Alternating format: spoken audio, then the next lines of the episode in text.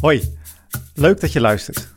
Mijn naam is Theo Pieter de Jong en ik ben dominee op de Veluwe.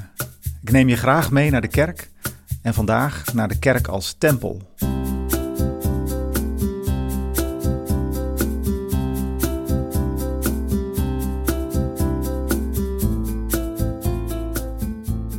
Ik heb over deze vergelijking geaarzeld. Want ik denk dat het leuker is om de kerk te vergelijken met een theater, vluchtheuvel, sportschool of al die andere beelden. Maar wat is nu eigenlijk een tempel? Kom jij daar ooit? Het staat misschien wat verder bij je vandaan. Toch is het denk ik boeiend om eens naar de kerk te kijken alsof het een tempel is. En dan bedoel ik vooral dat gebouw. Kerkgebouwen, daar is soms het nodige over te doen. Ik snap dat ook wel. Want gebouwen hebben namelijk ook een geestelijke kant. In de Bijbel was de tempel de plaats waar mensen samenkwamen om voor God te verschijnen. Mooie uitdrukking vind ik dat. Voor God verschijnen. Dat doe je blijkbaar in een tempel. Maar konden ze dat dan niet thuis?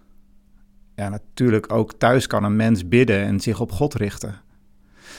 Mensen gingen heus niet naar de tempel omdat ze geloofden dat God alleen daar aanwezig was. Maar met zo'n uitspraak voor God verschijnen wordt een ander besef uitgedrukt. Want om voor God te verschijnen, verlaat je blijkbaar je eigen huis. Je gaat dan naar een ander huis, het huis van God, wat ons speciaal ontworpen en gebouwd is om God er te ontmoeten. De muren, de geur, de kleding van de priesters, de rituelen, dat alles maakt dat huis bijzonder. Natuurlijk kun je de God van hemel en aarde overal ontmoeten, op bergen en in dalen. Maar de tempel is de plaats waar Gods naam aan kleeft. Kerkgebouwen kunnen dat ook hebben. Daarom roepen ze soms ook zoveel emoties op bij mensen. Gods naam is eraan verbonden. Hier staat zijn troon, hier woont zijn woord, zingen mensen in de kerk soms met een brok in hun keel. Trouwens, dat lied wat ik nu aanhaal is een psalm, die uiteraard in de eerste plaats over die tempel ging.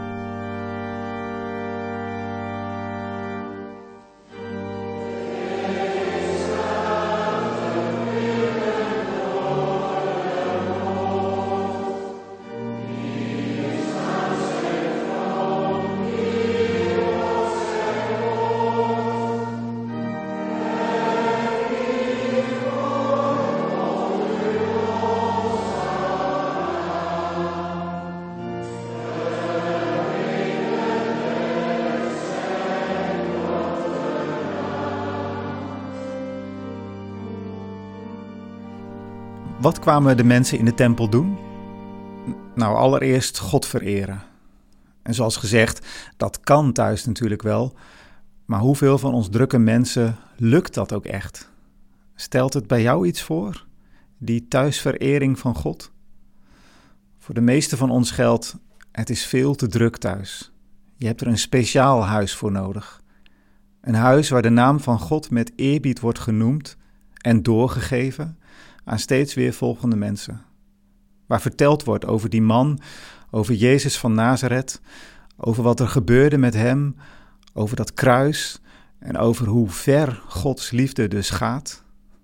Een huis waar steeds weer nieuwe mensen worden ingewijd in dat geheim, waar wordt gedoopt, gezongen, brood gebroken, wijn geschonken, het geloof gevoed in woord en sacrament.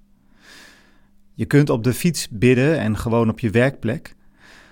Maar waarom ook niet op die plaats die er speciaal voor bedoeld is?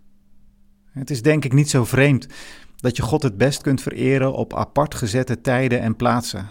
Anders komt er maar weinig van.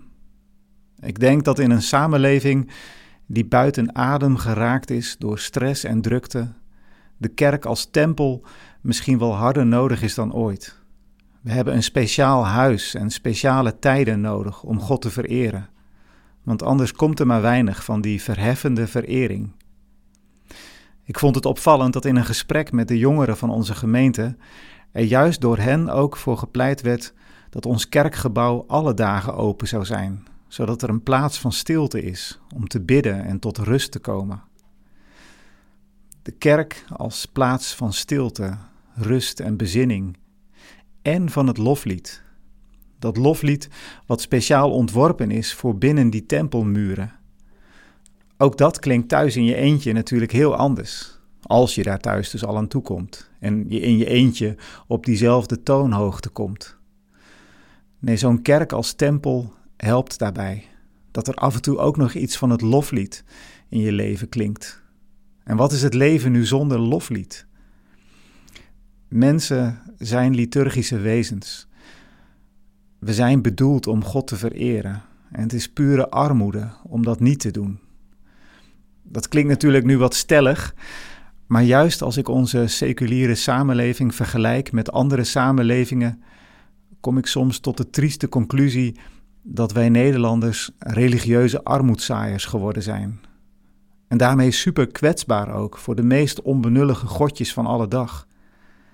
Maar geen van die godjes hebben de kracht om jou weer overeind te trekken. Zij verheffen ons niet. Maar God verheft ons wel.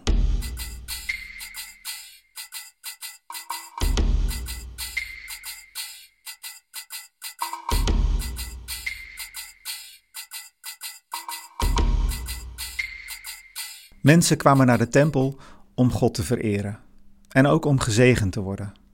Een zegen is het goede woord van God. Die zegen werd over de mensen uitgesproken door de priester. En die priester was daar speciaal voor aangesteld. In nummer 6 lees ik die meest bijzondere speciale zegen waarmee Aaron het volk moest zegenen. In verbondenheid met Israël spreek ik iedere zondag die zegen ook uit over het volk van God.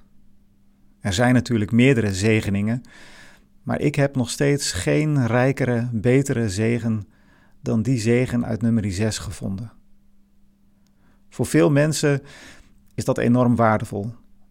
Ik heb mensen gesproken die me vertellen dat er veel is in de dienst wat hen teleur kan stellen. De dominee kan een warrige preek houden, de organist kan ongeïnspireerd spelen en de samenzang van bedroevend niveau zijn. Maar in ieder geval wordt aan het eind van elke dienst toch weer die eeuwenoude zegen uitgesproken. Niet spectaculair, misschien zelfs een beetje saai, want zo oud en overbekend, weinig verrassend, maar o zo krachtig. Het woord van God. Wie dat ontvangt, ontvangt leven. Er zijn veel woorden, alle dagen door, en er is dus ook veel woordvervuiling, maar dit is het woord dat je bij de bron van alles brengt. Die woorden klinken nog steeds. En toch kun je die zegen ook niet overal ontvangen? Moet je daarvoor in de kerk als tempelachtige plaats zijn? Nou, inderdaad, overal kun je die ervaring hebben dat God je zegent. Een diepe, intense ervaring van dankbaarheid richting God kan je doorstromen als je de zon ziet ondergaan, of als je een lachend kind in de armen houdt, of als je de schoonste muziek hoort. Wat kan het een zegen zijn als je je alleen voelt en plotseling gaat de bel en er is een bezoekje, iemand die je vraagt hoe het met je gaat. Of wat een zegen kan een kaartje zijn Ga zo maar door, wat een zegeningen. Maar in de tempel werd die zegen op naam gezet, de naam van de Heer. En zo wordt in de kerk de zegen ook op naam gezet, van de Vader, de Zoon en de Heilige Geest. Die namen worden met gezag op je gelegd, bijna lijfelijk, door woorden die op de juiste spanning gezet zijn en door gebaren die erbij horen. Ik vind daarom dat kerken wel wat op tempels mogen lijken, omdat we daar met een speciaal doel komen, om God te vereren. We verlaten onze huizen, als we dat kunnen, om naar de plaats te gaan waar goede woorden klinken, die samenkomen in een zegen.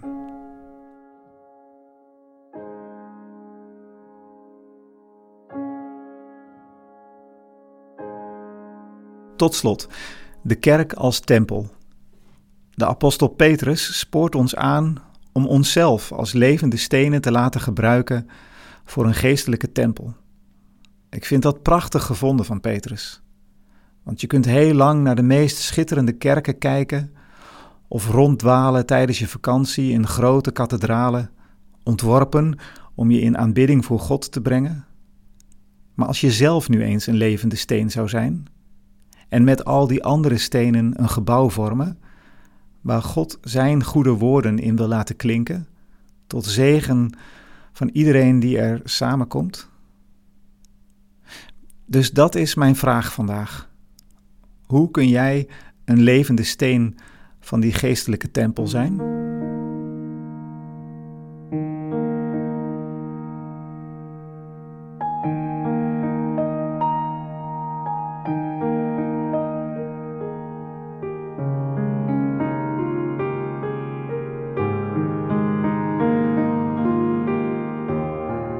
Bedankt. Leuk dat je luisterde. Volgende week alweer de tiende aflevering. Dan denk ik graag met je na over de kerk als ziekenhuis. Wil je reageren? Dat kan, graag. Mail dan naar dominee.beatrixkerk.nl Het is leuk om reacties te lezen. In de afgelopen week kreeg ik een mooie reactie van een oud docent van me. Die vertelde weer wat enthousiaster over de kerk te worden. Dat is mooi. Um, daar werken we graag aan mee. Vergeet niet je te abonneren via Spotify of Apple Podcast om ook de laatste afleveringen van deze serie niet te missen.